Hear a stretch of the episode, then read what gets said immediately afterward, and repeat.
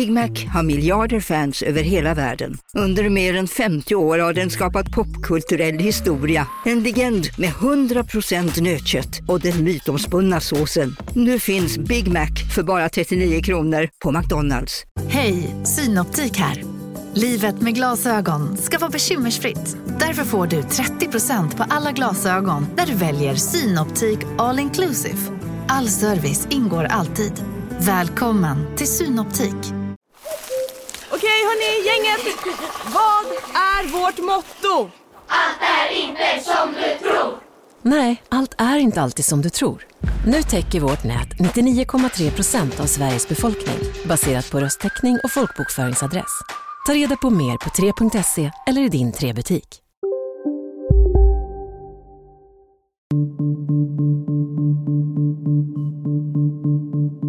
Det går att rikta väldigt skarp kritik mot delar av Pride-tåget om detta är rätt sätt att, att göra på och eh, där jag har delat kritiken kring att det bidrar till en sexualisering av samhället, och offentliga rummet som jag inte tycker är rätt eller riktig. Att bevisa alla belackare fel. Det, eh, det driver dig? Ja, det, det är lite revansch. Jag har en målbild om att ehm, eh, kliva upp på scen där sent någon gång på, på valvakan och eh, öppna med att säga vad var det vi sa? Och jag hade ju absolut en, en roll utav att vara någon slags murbräcka där andra kunde vara mer nyanserade sen och ehm, eh, alla de uttalandena är jag, inte, är jag inte stolt över. De var ganska kategoriska. När hon blev kommunalråd i Uppsala var hon den yngsta som någonsin fått en sån post. Och när hon fem år senare blev partiledare för Kristdemokraterna var hon även en av de yngsta politiker som någonsin tagit plats som ledare för ett riksdagsparti.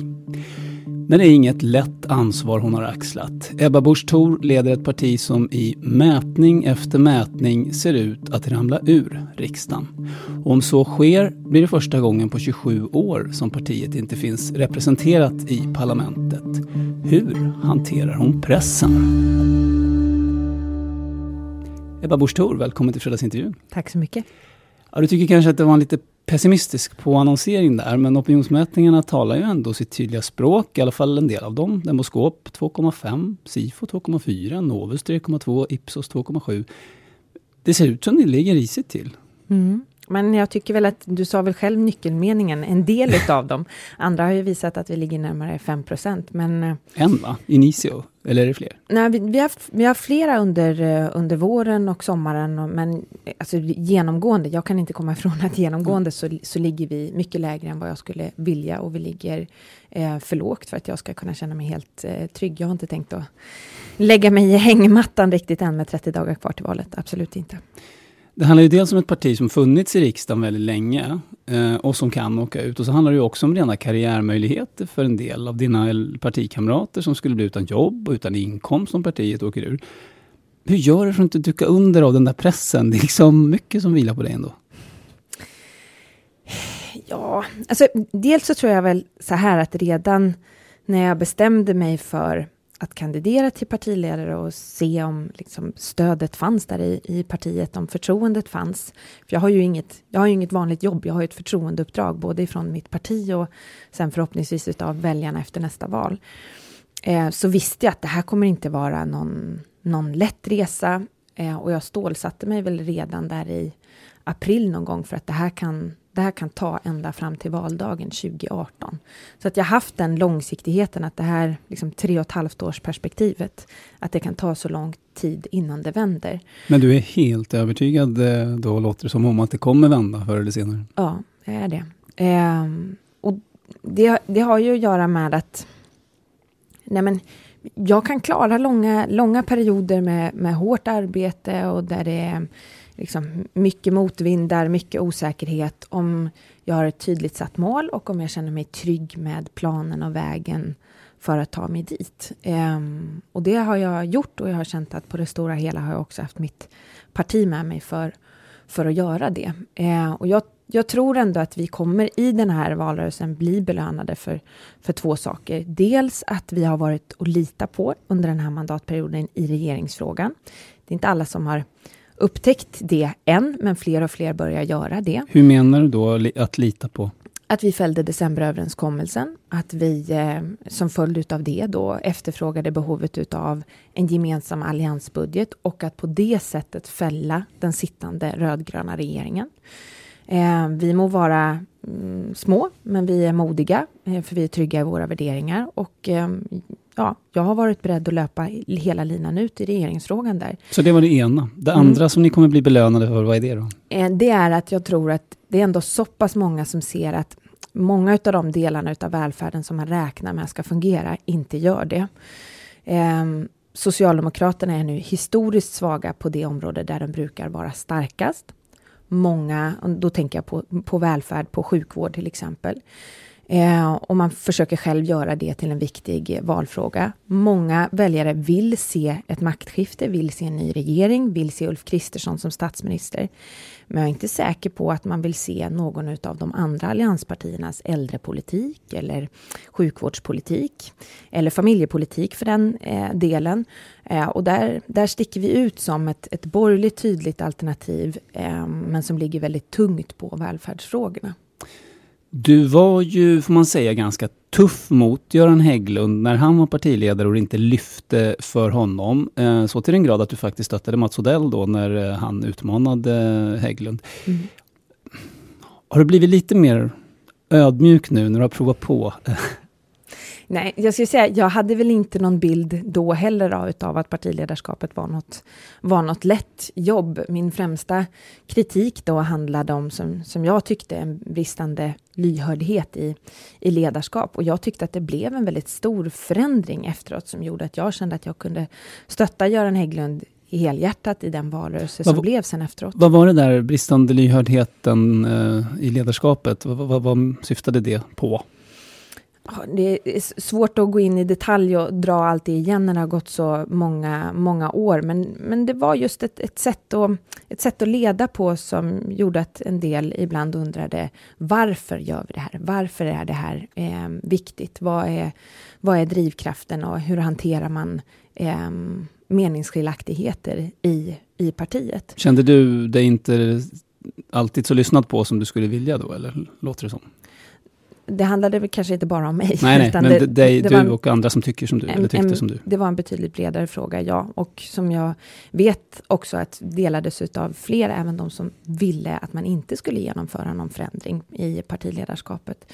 Men jag är som sagt väldigt glad över, över de, den förändring som sen skedde och på det sättet som Göran Hägglund ledde valrörelsen sen eh, 2014. Det tyckte jag blev väldigt bra. Men eh, jag tror att eh, det var lätt att då underskatta skadorna eh, man, man kan orsaka i en organisation och i relationer människor emellan med den sortens uppslitande partiledarstrid som, som det blev. Och, eh, det hade inte du helt klart för innan du nej, gick det, in i det? Det är jättesvårt att, att förutspå. Och jag hade ju absolut en, en roll av att vara någon slags murbräcka där andra kunde vara mer nyanserade sen. Och ehm, eh, alla de uttalandena är jag, inte, är jag inte stolt över. De var ganska kategoriska. Kommer du ihåg något? Inte som jag tycker är värt att ge, ge ny uppmärksamhet i, Nej, jag frågar idag. för att jag själv inte kommer ihåg. Alltså, om det, vad, vad, jag, jag gör det och jag har ansakat mig i, i de delarna och också eh, sagt till vederbörande vad jag tycker om mitt eget agerande i efterhand. Jag ångrar inte i sak vad, vad jag gjorde, men en del tillvägagångssätt, en del sätt att, att uttrycka det på eh, hade, jag gjort, eh, hade jag gjort annorlunda om, eh, om jag hade sett resultatet. Hur kom det sig att du blev eh, murbräcka som du själv uttrycker det? Det är ju en ganska ostrategisk roll att ha om man siktar på att kanske bli efterträdare en dag. Mm. Och det hade jag inga sådana planer på att bli heller. Nej, det hade du inte? Nej, inte för fem öre. Det hade jag inte. De tankarna fanns överhuvudtaget inte förrän jag fick ett sms samma dag som, eh, som eh, Göran Hägglund skulle meddela sin avgång, som sa Göran kommer att avgå. Jag vet att du har tänkt att du ska gå på föräldraledighet och sen lämna politiken. Eh, du bör tänka om. Vem kom det ifrån? Det får ni läsa om i någon memoar någon gång. Men inte valberedningen, för den fanns inte ändå. Nej. Eh, I många val har ju KD kunnat eh, räkna med en viss andel stödröster från framförallt moderata väljare. Men nu ligger Moderaterna inte jättebra till heller relativt vad de brukar göra eller vad de hoppas på. Finns det en risk att de här stödrösterna sviker i den här gången? Tror du? Jag, jag tror att det är jättesvårt att, att säga liksom hur människor tänker strategi och, och liksom taktik kring sitt röstande på mycket mer oförutsägbart sätt, tror jag, inför inför det här valet. Eh, jag tycker det, det, bästa resonemanget som visar på att det kanske inte alltid är helt logiskt är, jo men jag vill se Ulf Kristersson som ny statsminister. Han är moderat, så jag röstar på Sverigedemokraterna. Eh, det är kanske ett exempel på att, att rösttaktiken inte alltid är hundraprocentig. Eh, men jag tror dels, dels är ju min, min ambition, det är att vi ska bli, bli belönade med fler um, röster och fler väljare som säger att ja, men jag väljer KD därför att jag tycker att det är det absolut bästa alternativet. Eh, och på grund av politiken, eller jag känner förtroende för den här och den här ledaren. Så det är den långsiktiga planen, men det andra har ju att göra med att jag ibland kan ifrågasätta, vad är en, vad är en stödröst? Alltså någon som återkommande säger, jag vill att ni är med och bildar regering. Och en del säger, ja men jag har stödröstat på er i fyra val i rad ja, är man kanske då bara en KD-väljare rent av. eh, och ja. att det är helt okej okay att komma ut ur den väljargarderoben.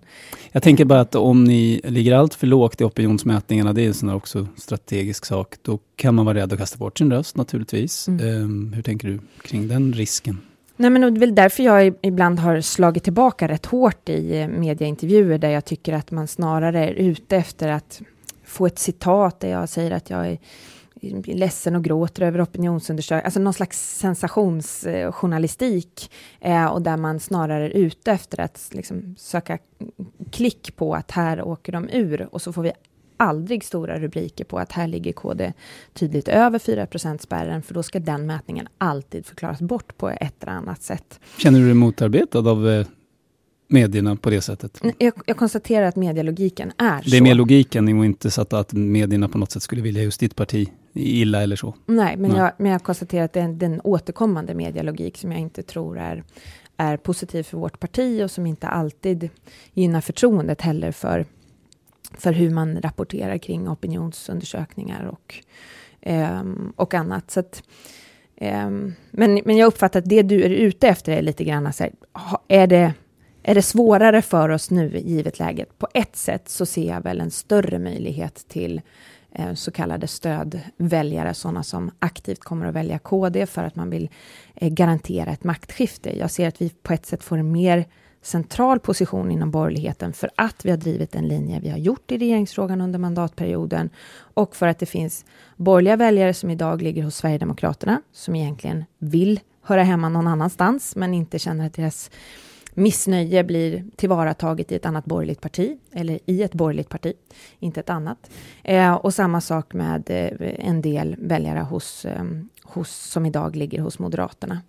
Eh, så på ett sätt så kan jag se att det finns större möjligheter för oss, för så att säga taktikväljare eller borgerliga väljare som vill garantera ett maktskifte, att de då kommer att söka sig till Kristdemokraterna, både för hur vi agerat men också av taktik.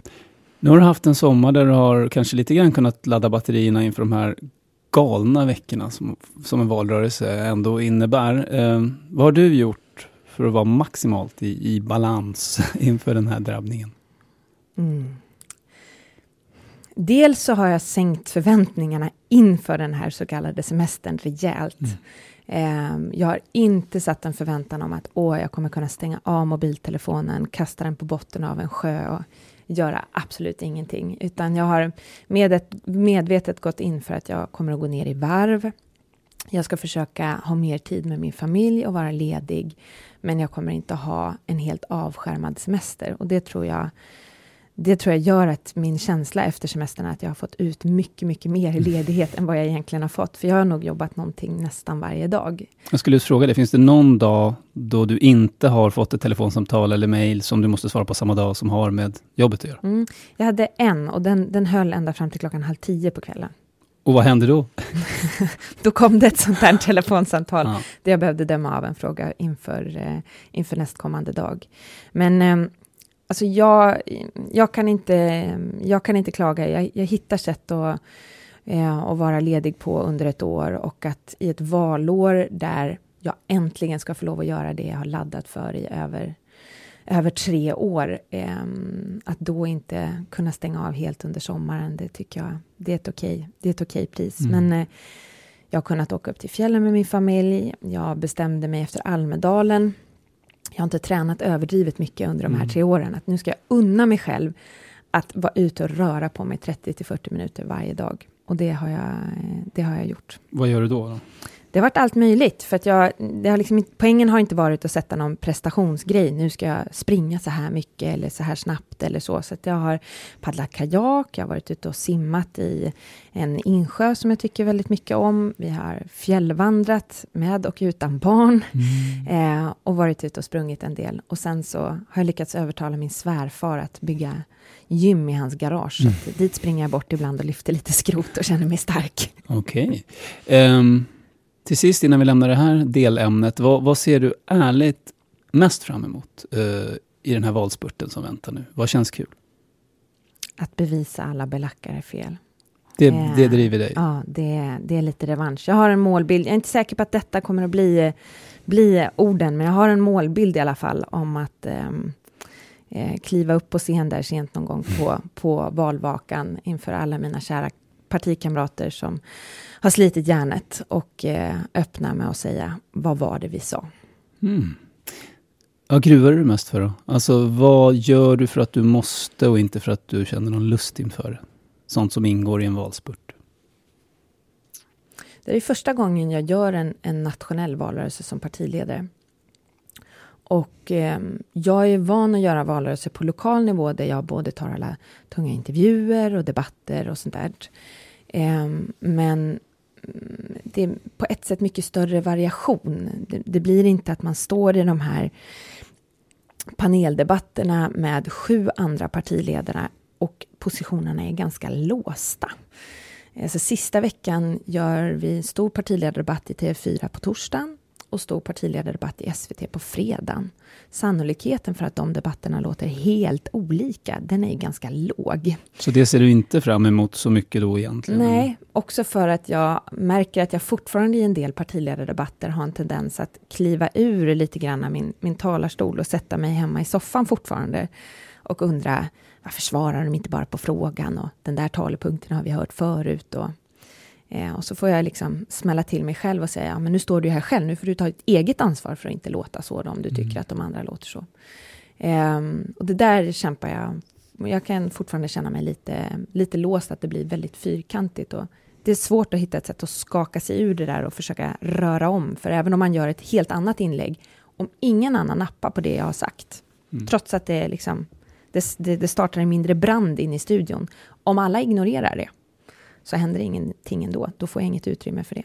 Mm. Så att det där är, att det blir så mycket mm, taktik och utmaning och att det så, kan vara så låst i de där grejerna som egentligen borde vara det allra mest spännande.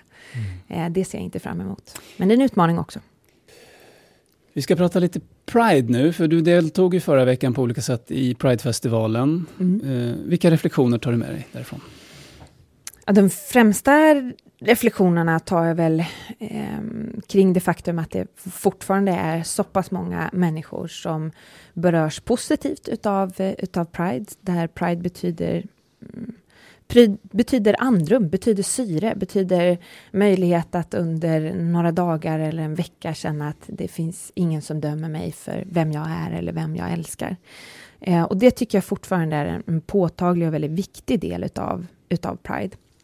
Den andra delen har väl att göra med att eh, jag upplever att Pride till del har blivit än mer politiserat. Eh, Åt vilket håll? Alltså? Vänsterut. Mm. Eh, och att det är flera, även inom alltså, etablerade ehm, liksom etablerade personer inom HBT-communityt som um, har varit väldigt engagerade i Pride som inte har känt sig lika hemma under den här veckan. Och det Ehm, det tycker jag är ett, ett problem.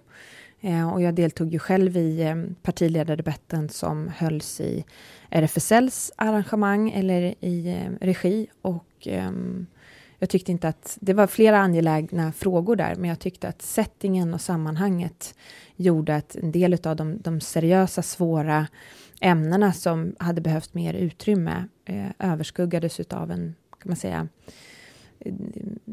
mer utav plojighet eller av att man eh, ville skapa någon slags aktivism gentemot Sverigedemokraterna. Vi kan väl lyssna på en situation som har blivit väldigt omdiskuterad och den inträffade då under den partiledarutfrågning som du nämnde, som RFSL anordnade.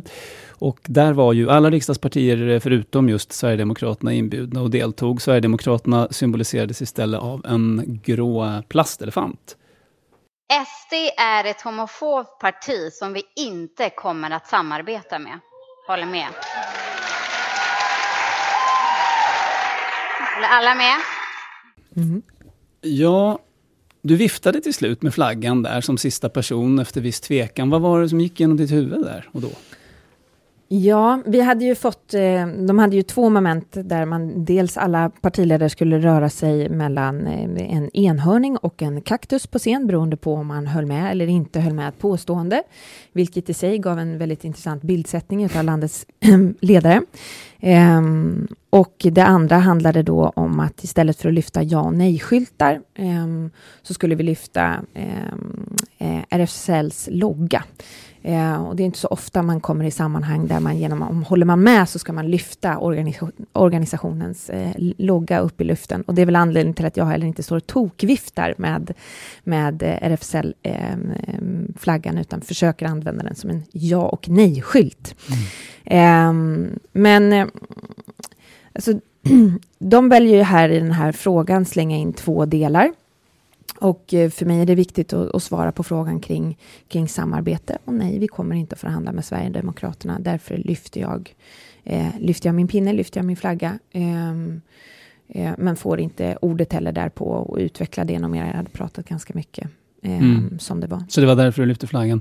Um, det som gör mig lite extra intresserad av det här i relation till just ditt parti, är att det var ju inte så väldigt länge sedan som KD lite grann hade den roll som Sverigedemokraterna har idag som hbtq-rörelsens eh, slagpåse. Mm. vad får det dig att tänka? Nej, men och det gör väl också, en del har frågat varför har du markerat efteråt? Så, så, dels så gjorde jag en, en, mindre markering i debatten, men jag markerade också efteråt kring det faktum att jag, jag tycker inte att det är seriöst eller respektfullt att det parti som man då aktivt har valt att inte bjuda in håna och häckla dem på scen.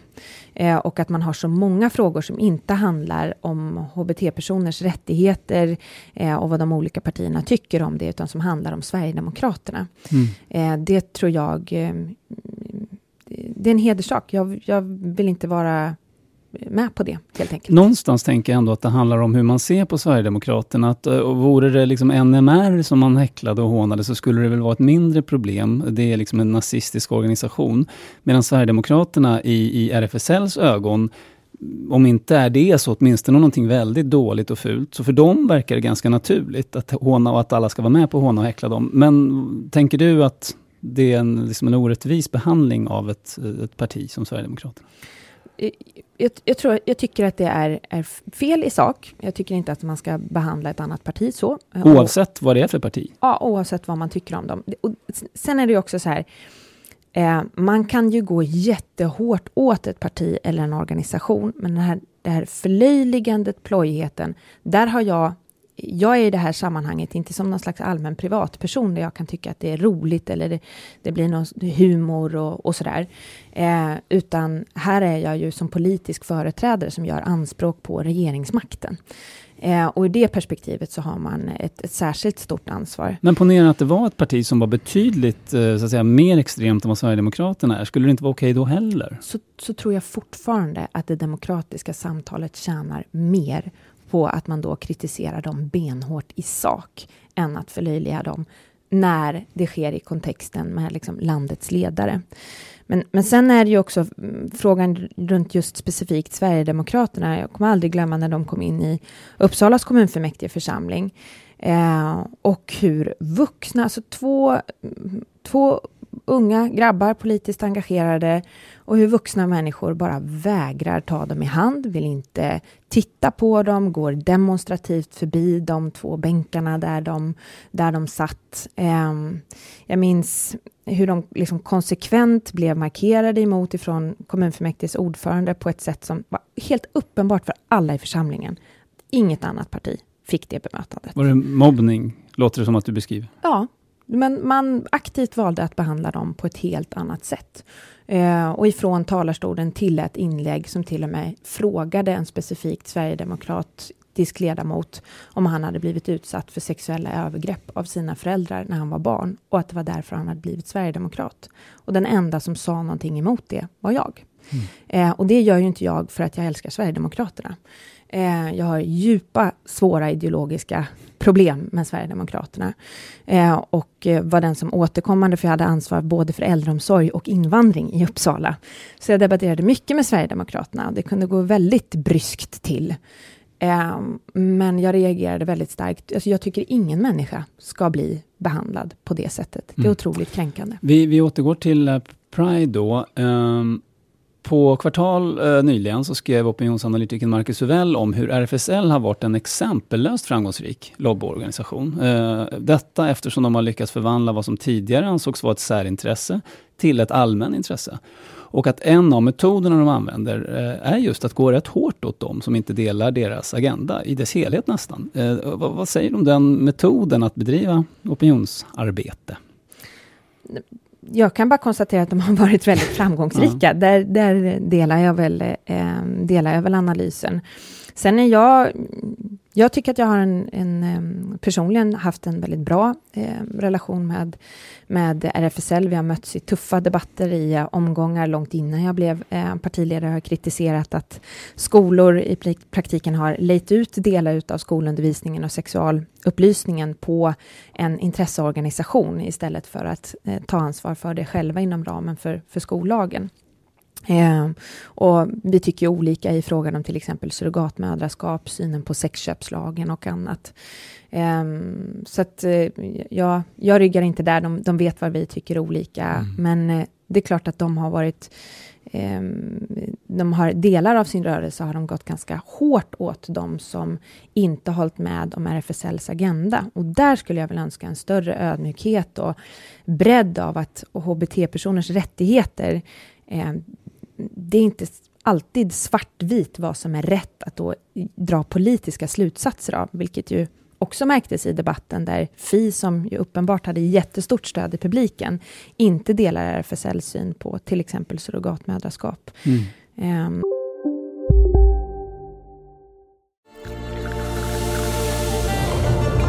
Välkommen till Maccafé på utvalda McDonalds restauranger med Baristakaffe till rimligt pris. Vad sägs om en latte eller cappuccino för bara 35 kronor? Alltid gjorda av våra utbildade baristor. Hej Sverige! Apoteket finns här för dig och alla du tycker om. Nu hittar du extra bra pris på massor av produkter hos oss. Allt för att du ska må bra. Välkommen till oss på Apoteket. Hej, Susanne Axel här. När du gör som jag och listar dig på en av Krys vårdcentraler får du en fast läkarkontakt som kan din sjukdomshistoria. Du får träffa erfarna specialister, tillgång till lättakuten och så kan du chatta med vårdpersonalen. Så gör ditt viktigaste val idag, lista dig hos Kry. Mm. Men alldeles oavsett vad man tycker om hbtq-personers rättigheter i samhället och hur de bör förbättras och så, så finns det något som nästan tycks vara ett totalitärt anspråk här. Det vill säga, de som inte är med oss, de är dåliga människor och vi ska förmå alla som är med oss att också utmåla dem som dåliga människor. Eh, finns det något demokratiskt problem i det sättet att liksom agera? De är väldigt offensiva och i, i, ibland tycker jag att de gör det jättebra, ibland går de över gränsen. Eh, så är det. Och jag, jag tror att det, det, största problemet är väl snarare när eh, personer som eh, de säger sig företräda eh, inte känner sig hemma i organisationen. Ja, det är några som har eh, skrivit längre. debattartiklar eh, på det, på det temat. Sen har de haft Ja. lite olika eh, kritik. Du deltog ju i festivalen eh, och det var inte första gången heller. Eh, Du har gått i Pride-tåget många gånger. Eh, Är det helt okomplicerat för dig med tanke på vad som har varit tidigare? Dina företrädare gjorde det ju till exempel inte då, dina Mm. partiledare företrädare. Eh, nej, alltså för mig var det... Jag var väldigt trygg i mitt beslut att gå i, eh, i Pride-tåget som partiledare för, för några år sedan.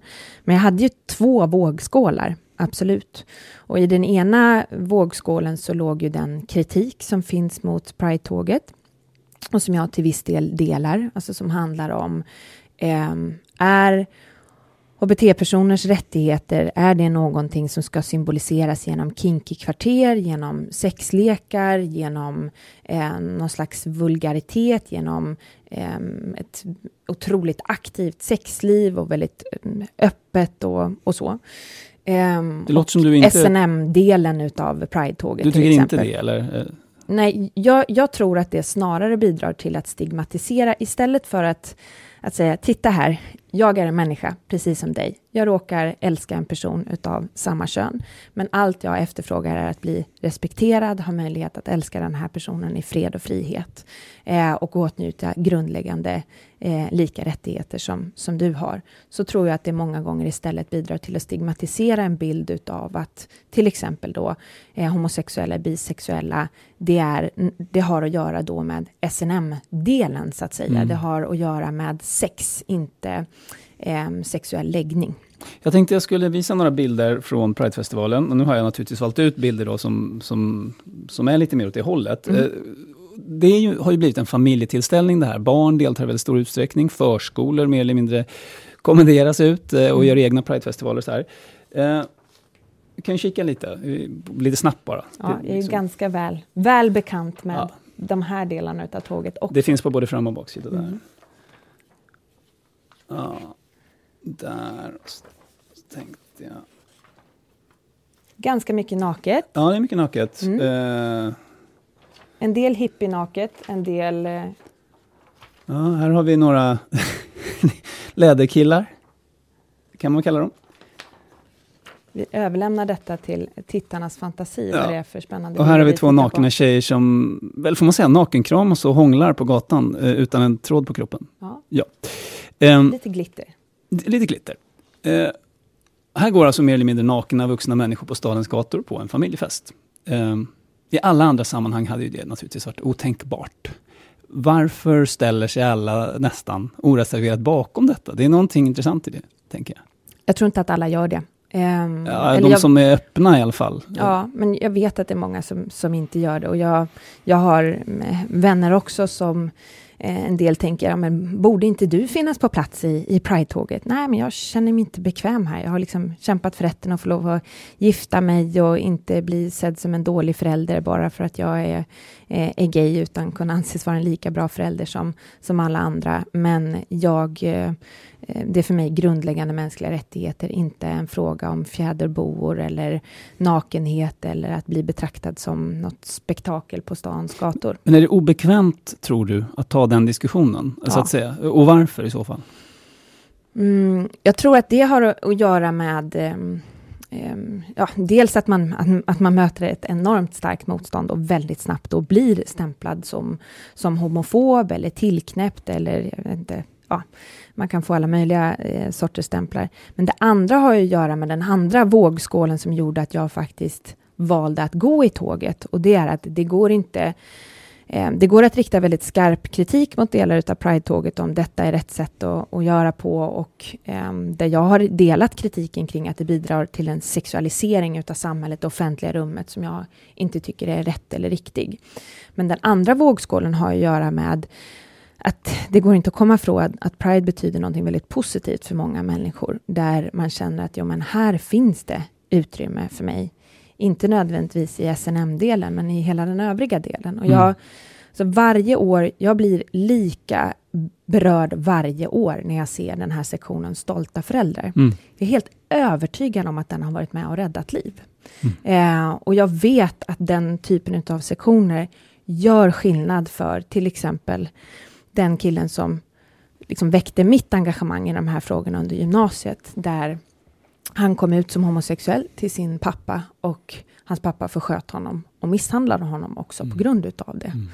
Eh, och där, där bidrar Pride till att göra en skillnad för ja. sådana personer och ge det nödvändiga syret. Så det är en enorma extremer. Mm. Och det är klart att jag skulle önska att, att Pride kunde rensa i några av de andra delarna. Men jag inser också att det är väldigt svårt för mig, som inte har gått i Pride i många år, som har varit, liksom företräder ett parti där man har varit osäker på vart man har oss i de här frågorna, att komma och säga nej, Mm. Eh, ni, ska, ni ska göra detta på ett annat sätt. Ja, det enda man kan göra är så att säga, antingen deltar man ju i tåget som du gör och då, då köper man ändå det där på något sätt. Eh, det är väl det, det enda man kan göra om man inte vill ta debatt om det. Så att säga. Kan man antingen gå eller inte gå? Ja, men det är klart att man kan ta en debatt om det och det har jag gjort också. Man ska ju också komma ihåg att Pride som, som organisation och styrelsen har, är ju inte samma sak som RFSL har en, en mycket så att säga bredare och lägre tröskel när det kommer till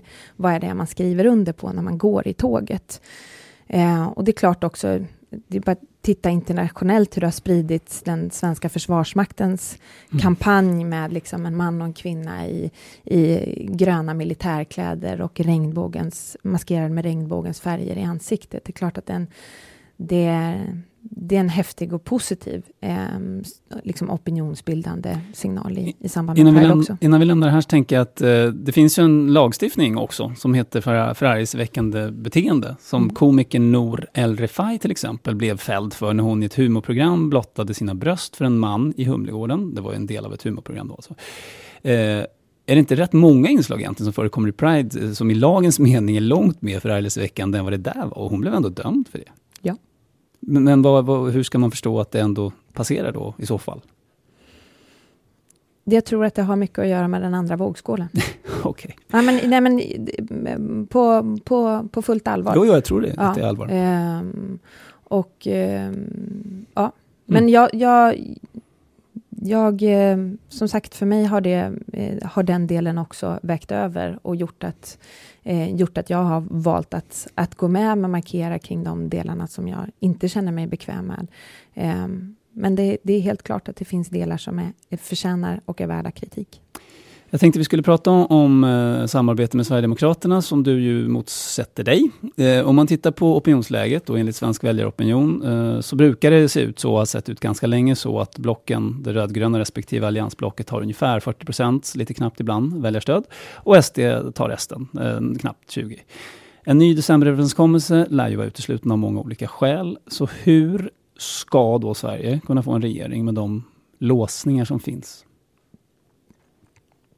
Ja, ja, dels så tror jag att verkligheten kommer att hinna ikapp en del av det här politiska poserandet där man ger ganska eh, ja, men väldigt ultimativa eh, svar kring olika positioner. Ja, det gör ju inte. du också egentligen. Ja, jag tycker väl kanske att jag har varit betydligt mer resonerande mm. än andra. Men om vi ser så, så här. Efter, eh, efter valdagen Ehm, så kommer ju frågan väckas om ett misstroende mot eh, Stefan Löfven har ju sagt att han inte lämnar statsministern posten hur som helst, utan det är rimligt att tro att det kanske kommer upp för en, en votering. Och eh, då kommer ju Alliansen att rösta emot Stefan Löfven.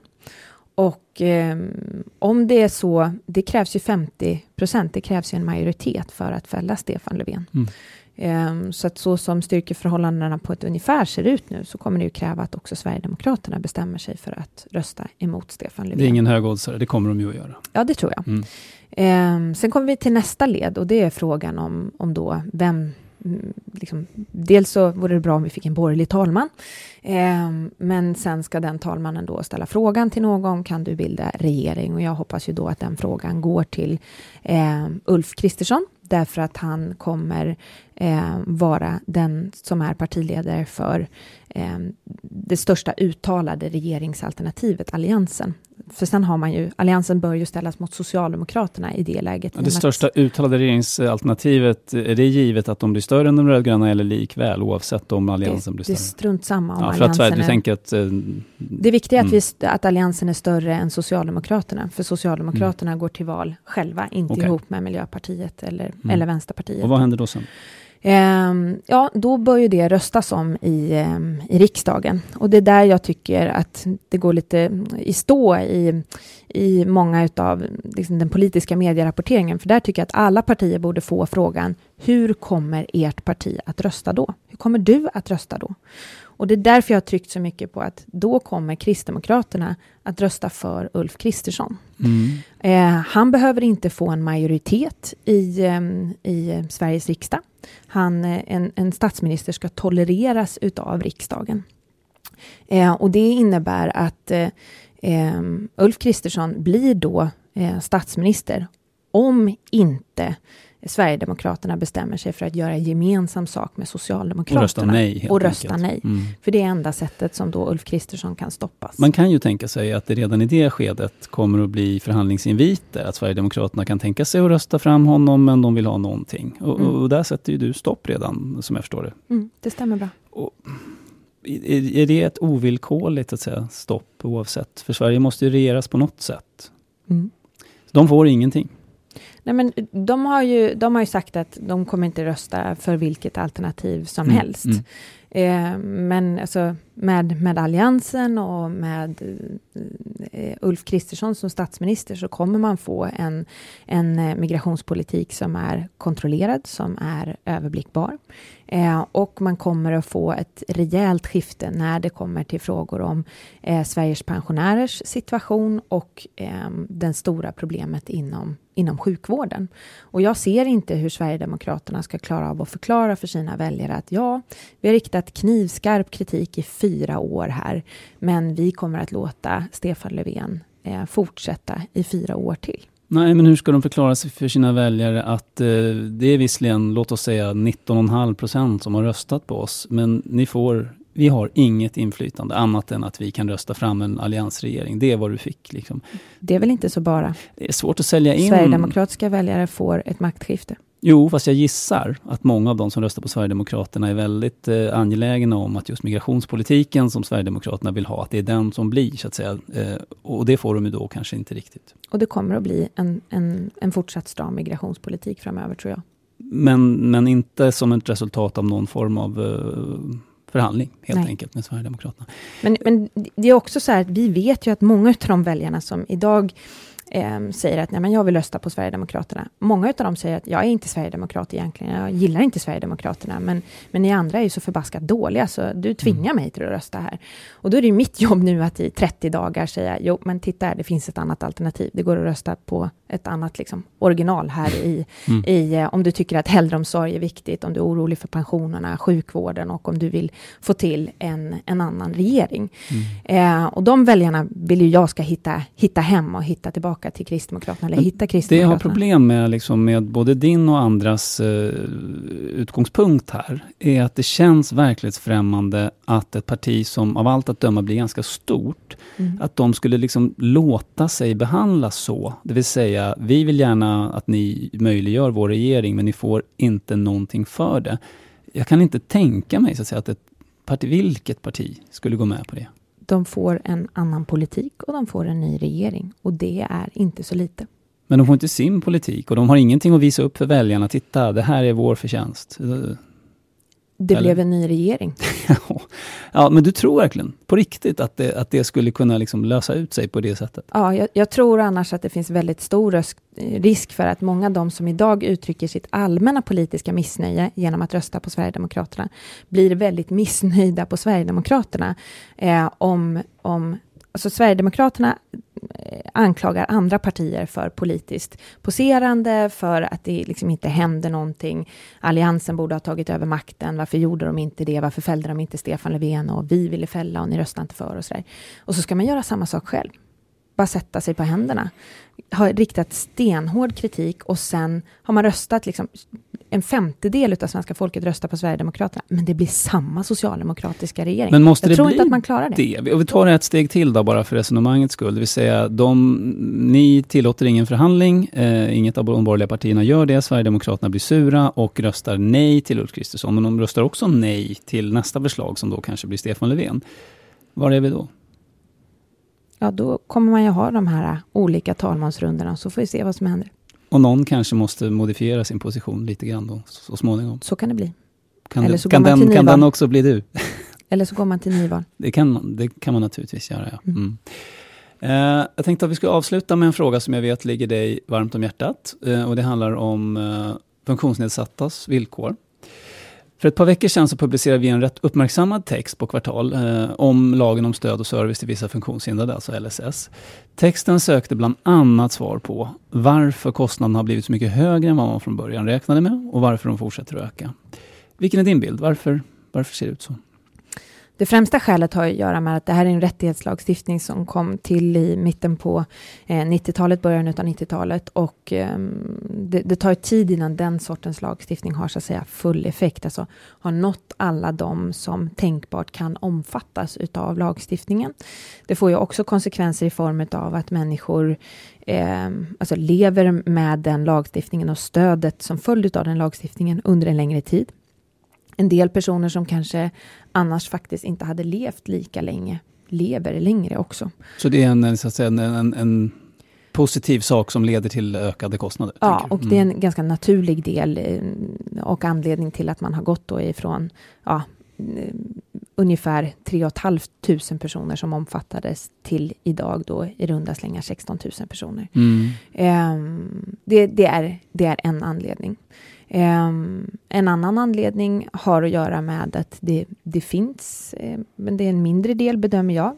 Det finns eh, tecken på, på fusk och att man utnyttjar systemet. Vi vet, och mina erfarenheter från äldreomsorgen visar det också, att eh, det är alltid svårt med system som innehåller anhörigvård. Mm. Och det är en rätt stor andel faktiskt i det här fallet. Jag tror det är en femtedel eller så. Det stämmer bra det och det gör att man behöver vara extra vaksam. Dels på att det är sunda relationer, alltså den, den funktionsnedsatte, den människan som ska vara i centrum i det här läget hamnar i, kan hamna i en ganska knepig beroendeställning eh, gentemot den som, som vårdar den och, och stöttar den. Och omvänt, att den, den personen också är en inkomstkälla för kanske flera i en familj. Precis. Eh, och det gör att man behöver vara, vara extra vaksam på Men den hur? typen av system.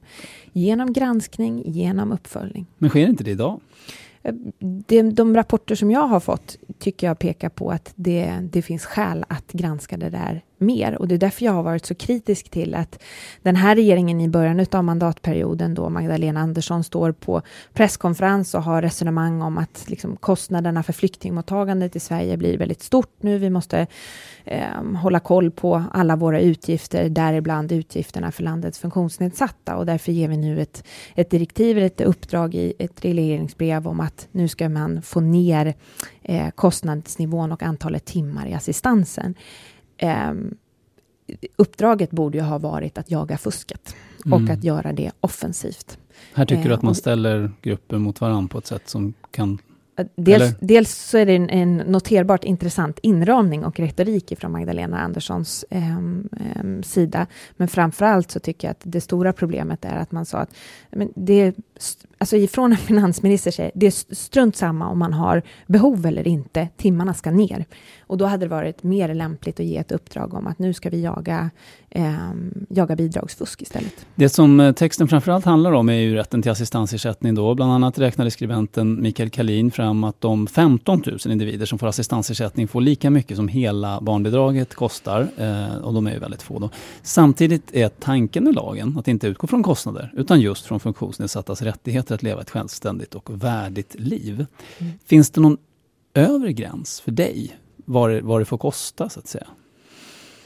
Men det här måste ju utgå ifrån de behov man har och eh, hur man tillämpar rättighetslagstiftning. Jag, jag tror att det är fel väg att säga att det här är, det här är ett övre tak. Det är ungefär som ja, men när jag var ansvarig för, för äldreomsorgen i Uppsala så hade vi alltså i, i runda slängar nu då 1500 personer som bodde på ett vård och omsorgsboende. Det motsvarade i budgeten ungefär en miljard. Det var nästan en tiondel av hela Uppsala kommuns budget som vi la på vårdboendeplatser. Det är mycket pengar. Mm. Eh, men att vi då ska säga så här, ja men vi lägger, vi lägger en miljard punkt, sen spelar det ingen roll om antalet äldre fördubblas mellan 2015 och 2030, vilket var prognosen. Mm. Eh, det är klart att man behöver hitta sätt att bli mer effektiv. Liksom, kan man göra bättre upphandlingar? Kan man, eh, kan man göra så att man rehabiliteras och är piggare och friskare och kan och vill bo kvar hemma längre. Ja, det, det är en annan sak. Och samma sak med assistansen. Behoven här är ju egentligen snudd på oändliga. Liksom för att eh, den del av assistansen som handlar om att man ska leva ett liv som vem som helst. Mm. Som jag läser den där texten i alla fall, så kan det handla om ganska många olika saker. Det fanns något exempel som i och för sig är extremt, men ändå bara för att visa hur vidlyftig lagen kan vara om man har ett sommarhus och behöver få gräsmattan klippt, så kan det också ingå. Det finns det inte liksom en, en, väldigt kostnadsdrivande modell där som det är svårt att se något annat än att det kommer fortsätta öka, bara öka, öka, öka? Jag, jag tror framförallt kommer det att öka därför att vi ännu inte har sett lagstiftning helt fullt ut um, utrullad fortsatt. Mm. Um, men det är uppenbart att vi behöver göra en hel del för att jaga fusk. Um, det är uppenbart att det, det, fin- det poppar upp nu och då en del eh, extrema exempel som, som jag reagerar på. Um, att leva som alla andra, jag har lyft fram återkommande i debatten att LSS handlar ju om rätten att inte bara överleva, utan att leva. Um, har man rätt att göra precis vad som helst? Har någon av oss rätt att kunna göra precis vad som helst? Nej. Men att inte bara kunna komma upp på morgonen, um, äta och gå och lägga sig. Det är ju den viktiga grundbulten i LSS-lagstiftningen. Och jag tycker att det är klart att det här är ett viktigt resonemang kring eh, dels att hålla koll på kostnader och, och liksom, eh, gränslandet mellan idealism och realism. Just. Men det stora problemet i verkligheten just nu, det, det har ju snarare att göra med de absurda indragningarna som mm. sker utav assistans. Så jag har träffat flera utav de här själv, varav eh, Niklas som bor i, Mal, eh, i Mullsjö kommun är en utav dem. Han är alltså han måste ha tillsyn dygnet runt. Annars så, så kommer han att dö. Han måste ha dygnet runt tillsyn. Och i höstas förra året så fick han beskedet per brev att nu drar vi ner din assistans till två timmar och elva minuter. Eh, och det som hans pappa sa, vi fick hans dödsdom på per brev ifrån en myndighet. Och då kräver det är ju resultatet utav den politik som har förts. Då kräver myndigheten i princip att de anhöriga ska se till att de andra, eh, vad blir det, 22-21 timmarna ska någon annan från familjen då, utan ersättning, Precis. se till att han överlever. Ja.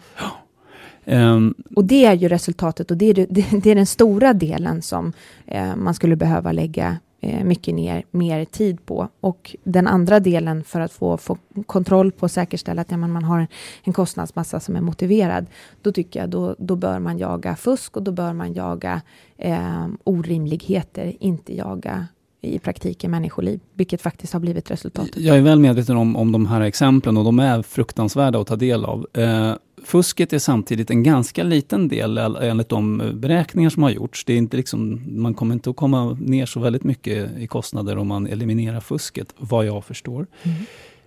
Det, det, sitter ju en utredning nu som ska komma med någonting i december. Eh, en prognos, en gissning som många har är att det faktiskt kommer att sättas någon form av tak för hur många timmar man kan få. Eh, helt enkelt. Eh, är det en galen idé, tycker du? Jag är inte beredd att öppna för det i, eh, i det här läget, inte alls. Det, det måste utgå ifrån, ifrån behoven. Och sen måste man föra ett resonemang kring vad som är utifrån det som är intentionen med lagstiftningen med LSS, att man inte bara ska överleva utan kunna leva som andra. Eh, vad innebär det? Vad är rimligt? Och behöver man liksom uttolka det ytterligare? Ja, det ser jag fram emot att se om, om utredaren kommer fram till någonting bra. Men att säga att, att det spelar ingen roll hur du är född. Redan mm. från början är det sagt att du aldrig kan ha behov som överstiger det här. Eh, då tror jag att man är på fel väg. Och vi har ju strömningar inom i, i Sverige eh, som har en, en, en mer nyttomaximerande syn på eh, på människolivet som tycker att, ja, som har öppnat för eh, dödshjälp, alla Holland där man nu har beviljat dödshjälp för en nioårig flicka, att hon på egen begäran kunde avsluta sitt eget liv. Eh, vi har de som tycker att vi systematiskt borde se till att människor inte föds med funktionsnedsättning, att vi inom tio år borde ha ett samhälle där man inte kan stöta på någon med Down syndrom. Alltså, jag tror att vi behöver vara otroligt vaksamma på att vi inte på något vis får ett utsorteringssamhälle. Man riskerar att öppna den dörren menar du om man börjar prata om att maximera antalet timmar man till exempel kan, ja, kan få? Om man säger att det spelar ingen roll hur du är född. Du kommer aldrig kunna ha behov som överstiger så här många timmar. Eh, det tror jag är fel väg. Sen finns det en, en, liksom, en en realitet där man måste kunna göra bedömningar. Är det här rimligt? Och då kommer det nog kanske i praktiken att bli liksom naturligt att nivåerna generellt sett överstiger inte den här nivån. Och det finns ju till del redan idag, menar jag. Eh, det stora problemet, menar, menar jag, det är att vi behöver se till att det är sunt och fungerar, inte minst när man använder anhörigvårdare eller mindre privata företag. Att kommunerna är, är duktiga, de som levererar eh, assistans. Eh, men, men också att vi, vi inte får de här eh, vansinniga exemplen där, där människor i, princip, i praktiken lämnas åt sitt eget öde. Ebba Busch Thor, partiledare för Kristdemokraterna. Stort tack för att du var med i fredagsintervjun. Tack själv.